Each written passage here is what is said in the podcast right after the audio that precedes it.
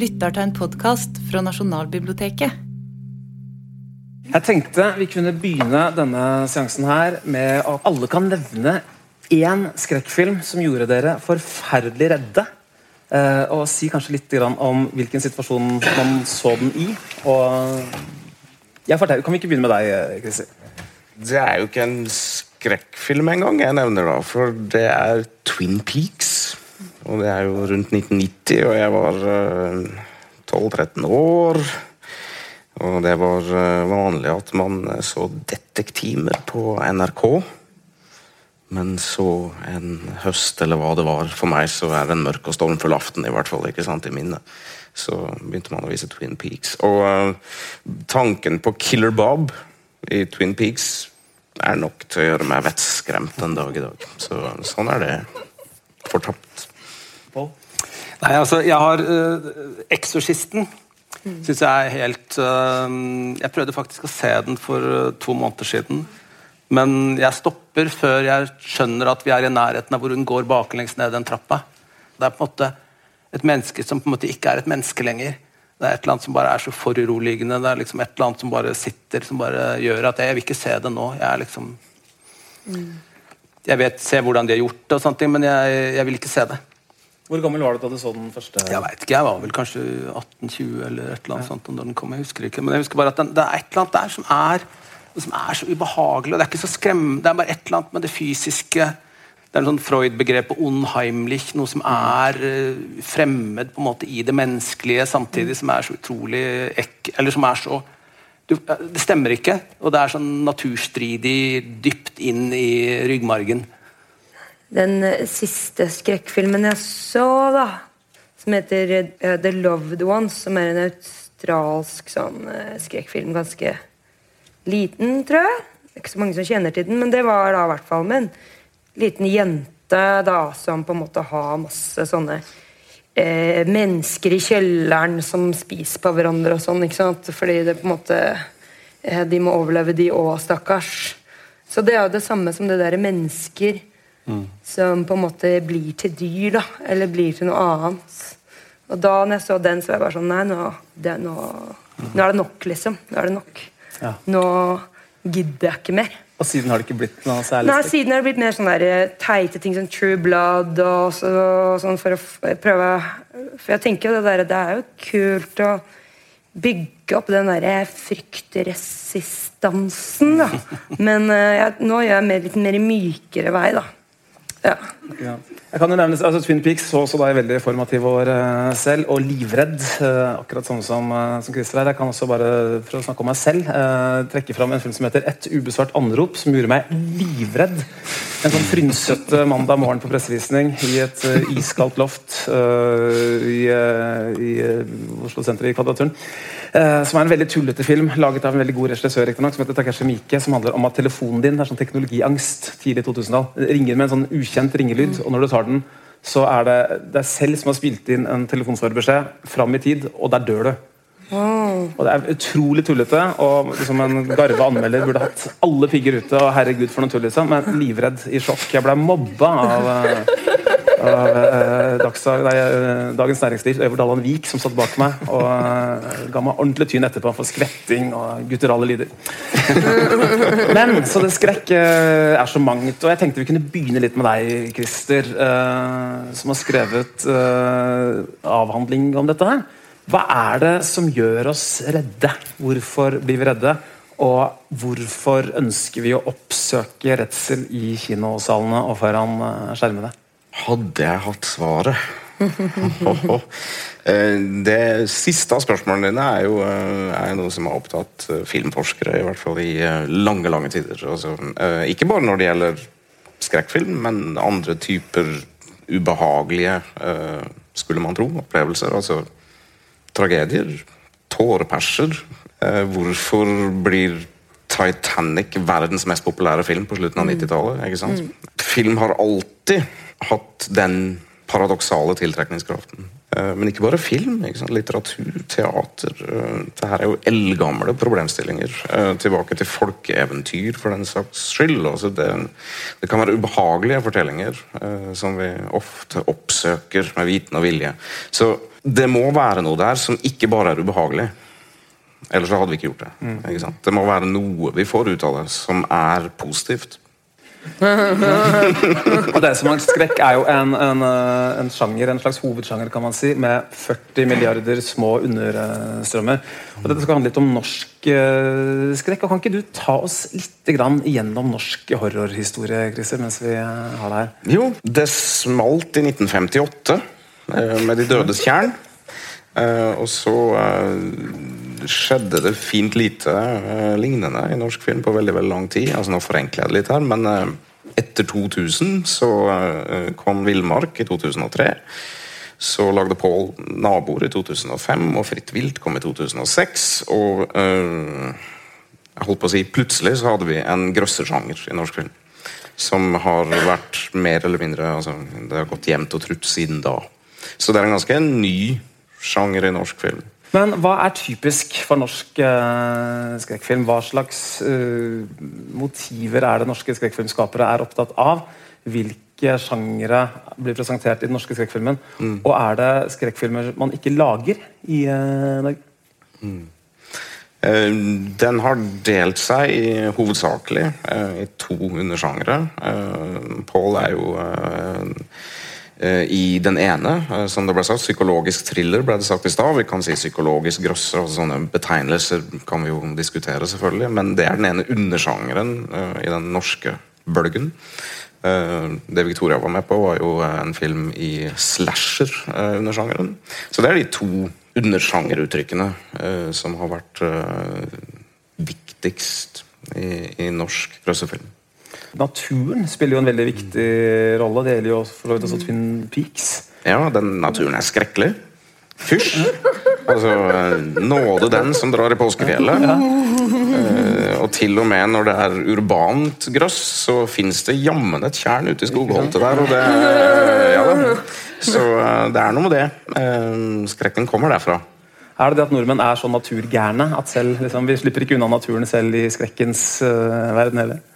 Naturen har jo hatt en tendens til å være uh, positivt uh, i, i, i, norsk film. Altså nasjonal, nasjonalromantisk. Uh, men grøsserne våre ligner kanskje litt mer på eventyr.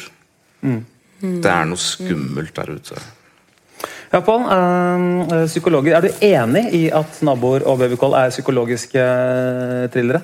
Og er du uh, komfortabel med at vi sitter her i en sånn skrekksammenheng uh, og har deg uh, inne som en naturlig ja, ja, men altså, sånn, Jeg ble alltid overraska liksom sånn at det er en skrekkfilm, eller at, liksom, at man tenker sånn. Jeg lager liksom, tenker at det er filmer, historier, og så blir de litt sånn om det blir sånn det, ja, men tenker, Jeg tenker ikke så veldig sjanger.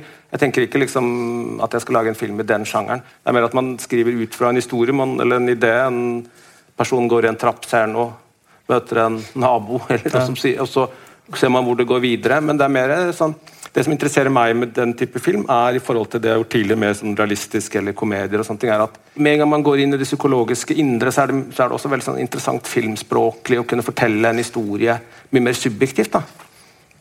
Hvis du jobber med komedie, så jobber du ofte med større bilder, du, jobber, du vil ha reaksjoner.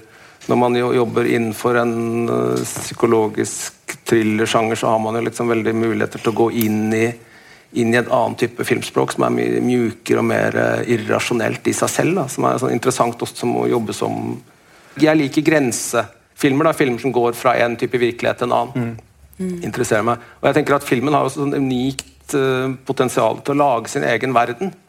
Hvordan, altså, det er jo en, uh, Enten man kaller det psykologisk thriller eller skrekk, eller sånt, så er jo filmene dine det er jo veldig spiller jo på det liksom intuitive og de, uh, de liksom primale reaksjonene og det ubevisste hos tilskuerne. kan man si. Hvordan jobber man planmessig uh, med å skape noe hvor resultatet skal være liksom så, så, intuitivt og, og, direkte? Jeg vet ikke om det er så intuitivt. Jeg tror Man jobber, man jobber liksom med å prøve å finne historiens egen logikk. Um, og naboer og babycall er på en måte veldig forskjellige. Altså, den ene er liksom, altså jeg tenkte at når jeg gjorde babycall, tenkte jeg at jeg ville lage en, en film som var handlet om å ha panikk, eller ha angst, egentlig. Eh, og at det skulle være dagslys. Alle rom skulle være helt opplyst. Alt skulle, være, liksom, alt skulle skytes midt på dagen. Det skulle være liksom, alle, Ikke noe mørke hjørner.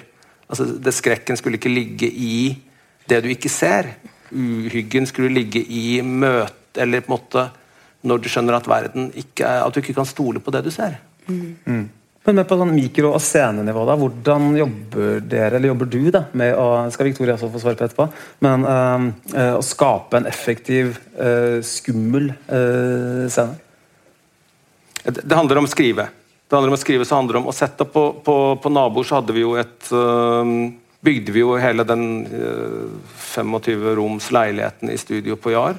På, altså på Norsk Filmet på Jar. Og så hadde vi et musikkanlegg i taket Mm. Som et PA-anlegg som vi spilte liksom Rammstein på 140 desibel eller noe sånt. Da. Så at ingen greier, Det var liksom helt sånn uh, Så det var liksom veldig sånn eerie følelse. Så det var liksom sånn, Prøve å skape en, et ubehag, skape at rommene selv var skumle. liksom, Og prøve å få skuespillerne til å ta inn det. Method liksom, directing? Eh, ja, på en måte sånn, prøve liksom å få det off balance på en eller annen måte. Og det prøvde vi også med kamera. også. Hadde masse sånn hvor fotografen ikke får lov til å se, må bare følge, blir bind for øynene, må bare følge lyden. Bare for å prøve å skape et eller annet som ikke er forutsigbart. Da. Hvordan er dine egne emosjoner når du står i et rom, mørkt rom med Rammstein og samtidig har en jobb? Uh... Jo, jo, nei, man blir jo liksom gira, eller man blir jo liksom både redd, og man prøver å få tak i de følelsene eller sanselige tingene man selv føler når man er liksom i et sånt grensesnitt, da, hvor man mm. føler at man er, man, er man normal, er man, holder man på å bli gal. Altså prøve å komme ja. ut av en slags sånn og Sitte på skrivepulten og ja. Du kjenner på galskapen? Og, ja, man, kjenner, man liksom prøver å komme litt utafor liksom, at man ikke er helt trygg. Samtidig så er jo regi er jo veldig sånn, man må jo ha kontroll, du må vite hva du gjør. Det er liksom mm. sånn blandingsgreie. Mm. Men det er jo liksom noe med at, men det handler jo også om hvem man jobber sammen med. at man, ok, Nå skal vi gjøre nå skal vi prøve å komme til et sted hvor vi ikke føler oss trygge. Mm. Blir resultatet eh, som du hadde sett for deg? Eh, eller hvor, hvor, klart inni hodet ditt er eh, Har du liksom, Er filmen sett opp mot hvordan den ser ut til slutt? Jeg vet, det husker jeg ikke helt. Altså, for det, er sånn, for det, det, er et eller annet med en gang man, ja, det er akkurat som man en, Hvis man skriver en karakter, skriver en rolle, og så kaster man, så finner man en skuespiller som begynner å bo i den rollen, så glemmer man hvem man tenkte når den karakteren har fylt eh, den, den rollen. Men det er også sånn, altså, jeg også prøver liksom, å, altså, det kjedeligste er jo på en måte å planlegge en ting og utføre det, og så blir det akkurat sånn som man planla. Da er man jo død. holdt jeg på å si. Det er det kjedeligste. Det er det forferdelig kjedelig å være regissør. Man må på en måte prøve å komme til et punkt hvor man kan greie å tenke, gjøre de tingene man ikke helt greier å tenke seg. Mm. Hvordan var det på f.eks. Fritt vilt? da, Victoria? Var det, uh, Så filmen ut sånn som det var? Eller Hvordan var stemninga på settet? Var det like skummelt og mørkt ja. og med Rammstein? Og... Veldig gøy, men det som skuespiller som jeg har opplevd til nå, er jo litt sånn, sånn I Norge så er det ganske Folk er ganske joviale, og alle skal ha det koselig hele tiden og sånn. Mm. Eh, så jeg personlig har ikke opplevd en sånn type stemningsskapende greie. Men, så jeg har bare lært meg til å jobbe veldig med å stenge folk ute når jeg trenger det, og finne teknikker i alle skuespill på liksom, når jeg kan snakke med folk, og når jeg kan ikke, og når jeg er nok inne i rolle til at jeg bare kan Gjerne de to første ukene, sant, så trenger jeg liksom bare Og så går du inn i rollen, og så er det bare bam, så er du der, på en måte. Eh, min opplevelse. Men med Fritt vilt så var det jo kjempejovial stemning på sett, liksom. Bare, så da var det jo det samme jeg gjorde med, mm. med den musikken, da. Eh, fordi på en måte death, death, metal er jo på en måte rockemusikkens rockemusikken skrekkmusikk, på en måte. Så det gjorde jeg der òg, at jeg hørte på det mye mens jeg altså for, for, skuespiller så er på en måte skrekkfilm sånn som jeg opplever det, eh, en av på en måte de mest fysiske formene du kan gjøre eh, av skuespill. For det er så mye fryktorientering, og det er så mye skriking, eller det er så mye pusting. Eh, og med en gang du på en måte gjør de tingene, så, så blir kroppen redd. da. Ellers sånn som i Fritt vilt, så bare Der var det på en måte ganske lett, fordi det, jeg, jeg, slapp å lage det som jeg kaller fryktkurven da, på skrekkfilm. Så du må jo alltid ha den regissøren her til å minne deg på liksom, hvor du er i den fryktkurven. Eh, men som i Fryktvilt så hadde ikke jeg det. Det var bare alt var fryd og gammen, og så var det bare bam. Og når det er bam, så er det veldig fysisk. Så det jeg gjorde, var at jeg dro opp dit. Spurte om jeg kunne komme opp dit en uke før. Når liksom de holdt på å rigge og sånn. Og så bare løp jeg opp og nedover de gangene i liksom en uke. Og var, og var seriøst redd? Og bare øvde meg på å falle. Øvde meg på å falle, øvde meg på hvordan jeg skulle løpe. Når du tenker på skaden du har hatt, at du ikke kan puste ordentlig, så er det ve veldig mye sånn Da kommer det bare, liksom. Fordi eh, frykt er en primal følelse. Så det er klart at eh, det med å skape frykt i mer sånn, eh, mer sånn psykologiske thriller som du snakker om, da trenger man på en måte disse andre emosjonelle teknikkene som gjør at jeg kan komme dit, eller at liksom regissør tilrettelegger for at det er skummelt. Hvis det på en måte bare er løp i skogen, så er det bare å løpe i skogen. Og da blir du liksom redd nok. Mm. Får du lyst til å lage filmskrekk med Victoria nå, eller? ja, ja. Absolutt. Men uh, fordommene som skrekkfilm uh, møter, er uh, fordi skrekkfilm er jo kanskje ikke for alle. Hvorfor har folk litt fordommer mot skrekkfilm? Og en av mine favorittanekdoter handler jo om teater. For i 1888, det blir lenge siden, så, så satte man opp på en teaterscene i London en teaterversjon av Jekyll and Hyde, 'Strange Case of Dr. Jekyll and Mr. Hyde'. Og det blei intens debatt i offentligheten, i avisene, om hvorvidt noe slikt hadde en negativ innvirkning på det virkelige liv. For det samme året så begynte Jack the Ripper-drapene. Så når du får sånne sammenhenger, så blir det gjerne diskusjon om grøsserfortellinger. Om det nå er bøker eller teater eller film, eller det er jo mer videospill i vår tid mm. enn film. Men det kommer alltid tilbake. altså Grøssersjangeren er en av de sjangrene som helt spesifikt ønsker å få en kroppslig reaksjon fra sitt publikum. Ikke sant? Så den er sterk på den måten, uansett hvilken undersjanger vi snakker om. faktisk. Uh, og jeg tror um, det har nok også betydd at den blir sett uh, til tider i hvert fall litt ned på. Fordi det er en så kroppslig ting den prøver å utløse. ikke sant? Uh, på pressekonferansen til skrekkfilmen, liksom humorskrekkfilmen 'Drag Me to Hell' i Cannes, da sa Sam Raimi, regissøren, at det å bygge opp en skrekkscene, en skvettescene, og det å bygge opp en humorscene, egentlig var det samme. At det, oppbygningen var litt lik. Og Pål, du som også har beskjeftiga deg litt med humor. Har han et poeng der? eller er det også din Nei, jeg, jeg, vet ikke, men jeg tenker man, det handler jo om liksom, timing av poenger og timing av uh, altså Med humor må du jo styre hele resepsjonen eller hvordan folk mottar det. ikke sant? Og få at, det times riktig, og at det liksom kommer ut, og gjerne flertydig. Den beste humoren er liksom flertydig, du vet ikke om du skal le eller, eller hva. og sånne ting. Skrekk er det også, eller, sånn, eller thriller er jo også en sånn følelse av Du vil jo gjerne ta folk til et sted hvor de ikke vet hvor de er, eller hva som skjer, men at de er med allikevel. Så jeg vet ikke om man tenker på noe sånn, Jeg kjenner meg ikke helt igjen, men jeg, jeg kan, altså sånn, det, veldig mye av fortelling handler jo om de samme grunnprinsippene, uansett hvilken sjanger det er. på en måte. Mm. Man liksom må, mm. må, styre, du må på en måte kontre, du må finne en måte å fortelle det på som gjør at du ikke venter det. Det er det samme humor som i, i, i skrekk, på en eller annen måte. Mm. Mm. Ja, nei, jeg tenker på en ting sånn rent sånn skuespillermessig, da, så er det en liten sammenheng der, for i hvert fall min skuespillercoach snakker om at i komikk så er noe av det viktigste Det er faktisk de mest God komikk, da. Etter hennes perspektiv. Er på en måte at det er egentlig de mest fucka menneskene. Det er de mest dramatiske menneskene. Det er de som har mest dramatisk liv. Så god komikk skal da handle på en måte om eh, hvor utrolig store fallhøyder de har. Fordi de er så fucka av situasjonene de havner i, blir så fucka at det blir humoristisk, på en måte, som skaper en slags timing i den derre eh, fallhøyden mellom på en måte hvordan vi prøver å oppføre oss, hvor, eh, mm. eh, hvor fucka eh, personen er. Og til sammenligning sånn rent karaktermessig så tenker jeg også at i skrekkfilmer så skal du ha optimalt sett skikkelig fucka karakterer som ikke nødvendigvis kommer Vi bør ikke få vite om den bakhistorien deres, at de antageligvis har blitt seksuelt misbrukt, og, men det skal helst, da, i mine øyne, være type så dype bakhistorier eh, som gjør noe med hvordan de klarer å handle, hvordan de klarer å overleve eller ikke overleve i de forskjellige situasjonene. Hvordan de blir trigget av disse morderne fordi at de har opplevd eh, sånne type ting som kanskje gjør at de ja, Noen av de skal jo dø, ikke sant?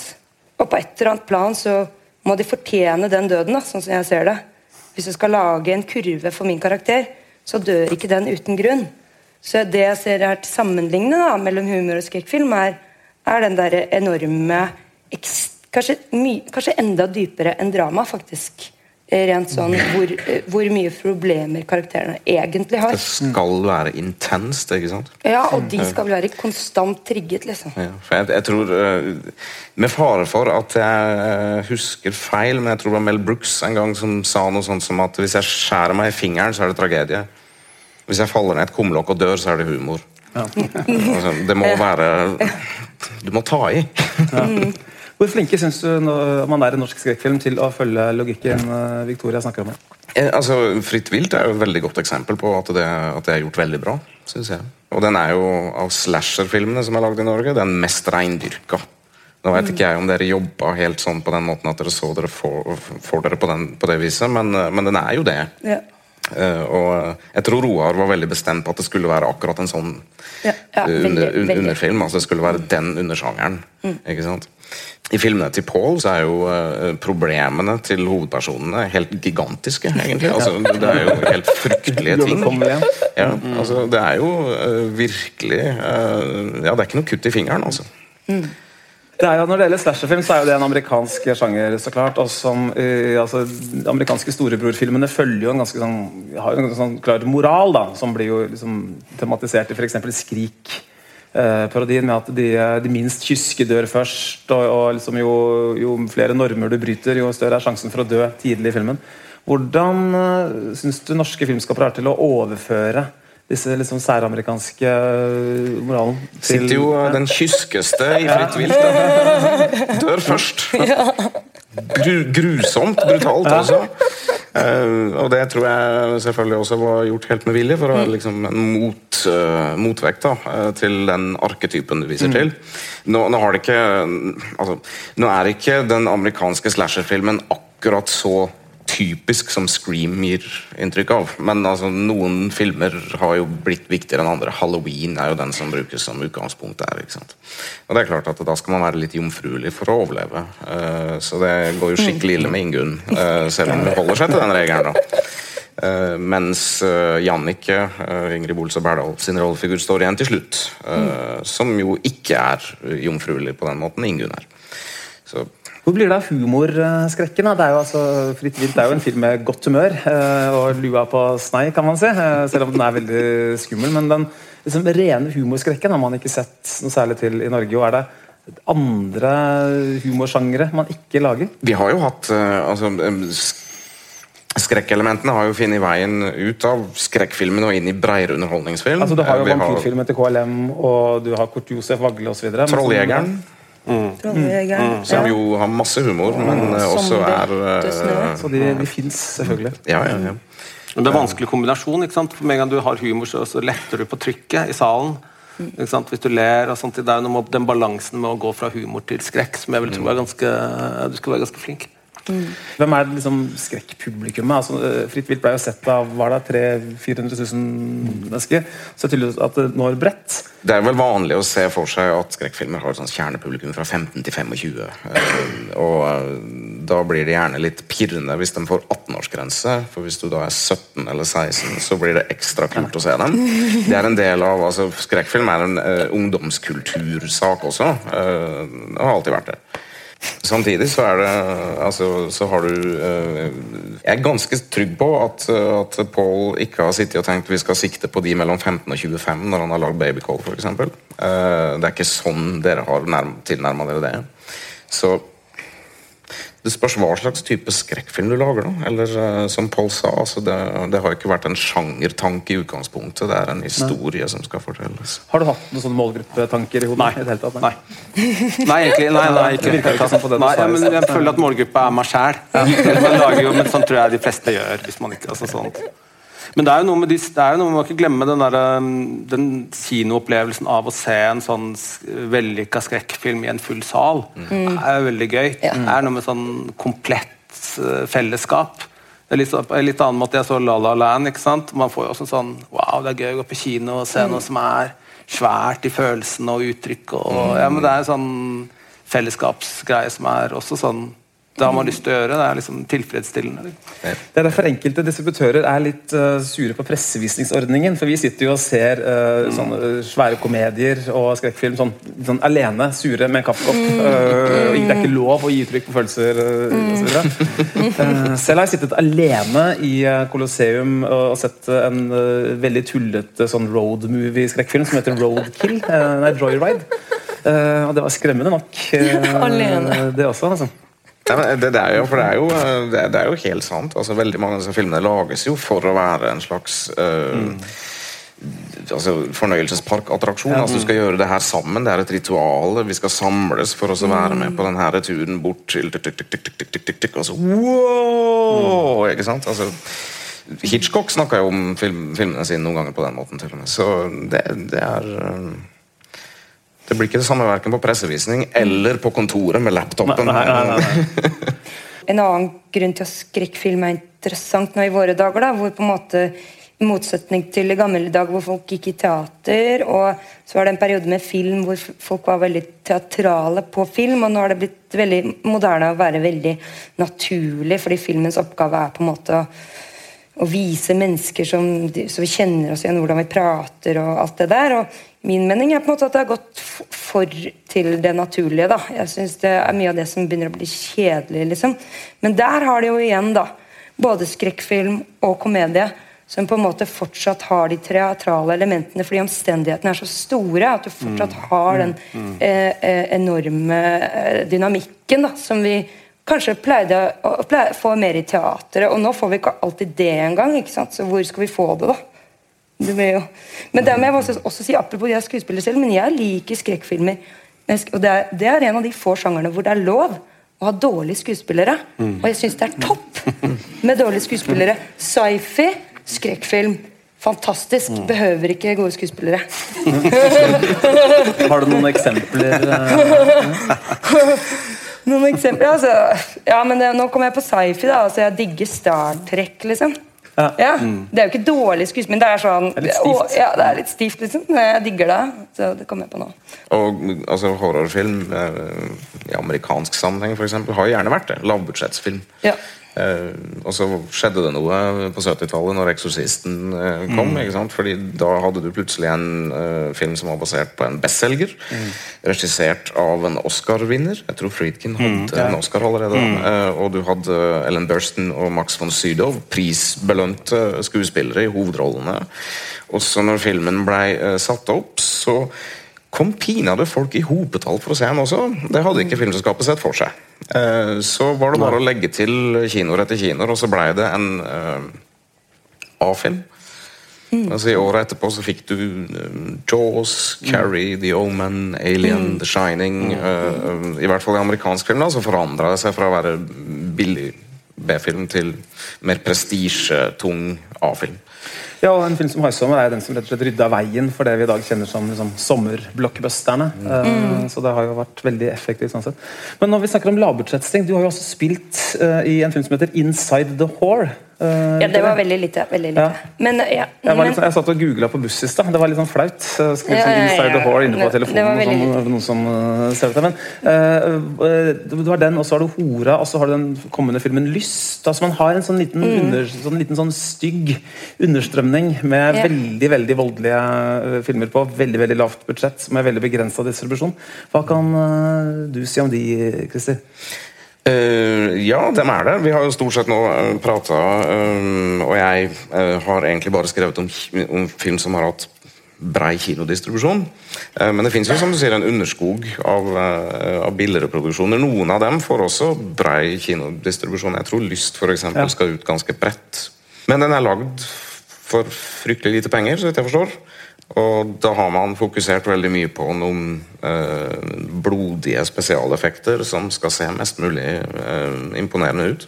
Og det er ikke så lett å få til, har jeg inntrykk av. Så, så det skal noe til. I eh, 'Naboer' så er det jo eh, den mest ubehagelige scenen jeg veit om i norsk film.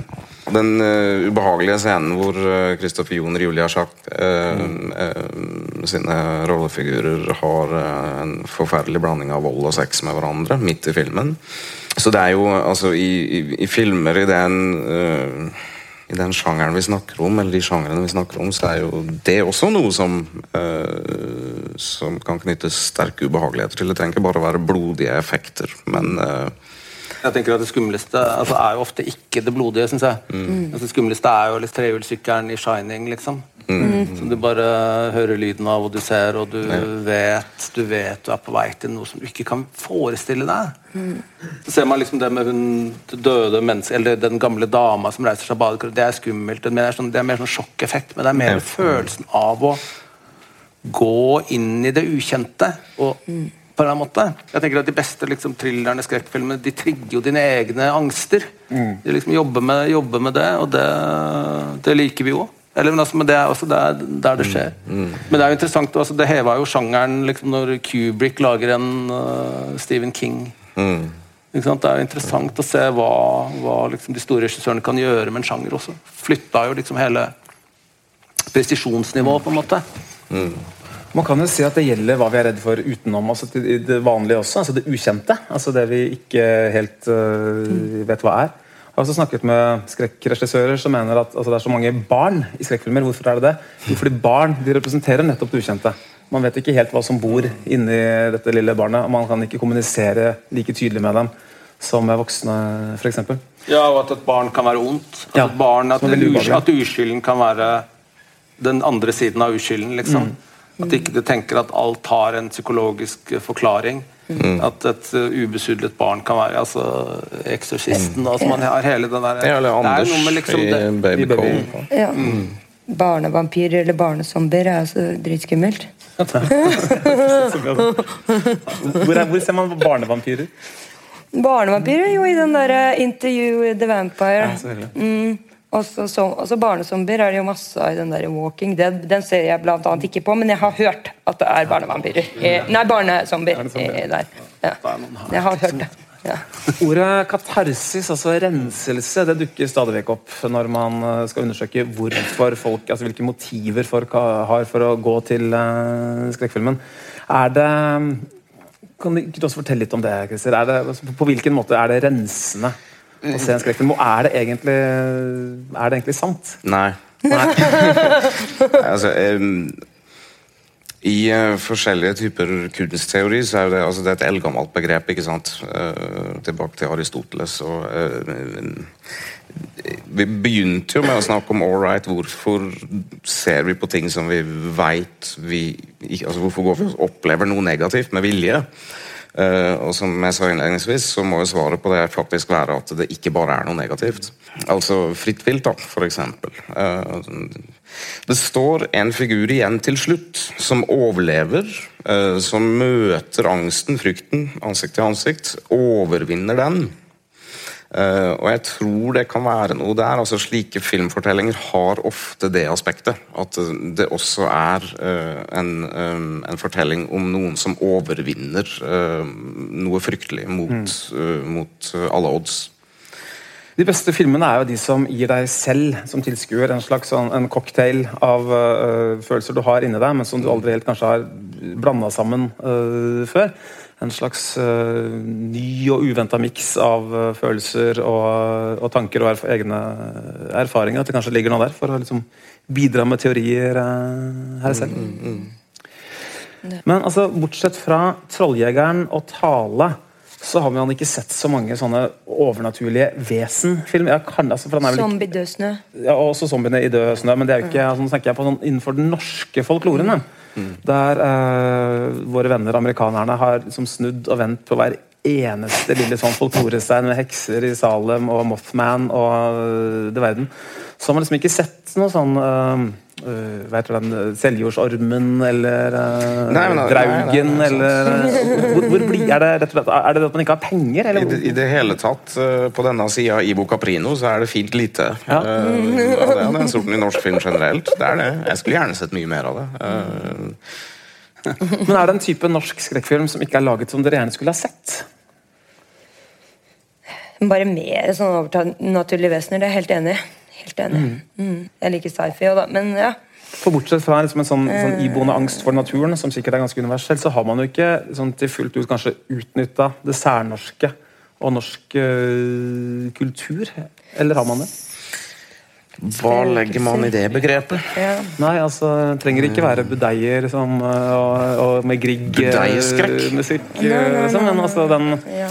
Men liksom, norsk folklore, norske vandrehistorier norske, liksom, ja, det er Nei, sant, ja. ja, ja. Ja, det er sant. Ja. Det er massevis uh, å ta av. Ja. Det er jo det. Uh, jeg kan bare si det samme som, uh, samme som Victoria, egentlig. At jeg skulle gjerne sett mye mer Og, og, og Det trenger ikke bare være snakk om grosserfilm, men altså film som tar, tar folkediktning, som tar eh, Altså, vi har Arne Garborg, vi har massevis av diktning som, Masse som spøkelseshistorier. mm mhm.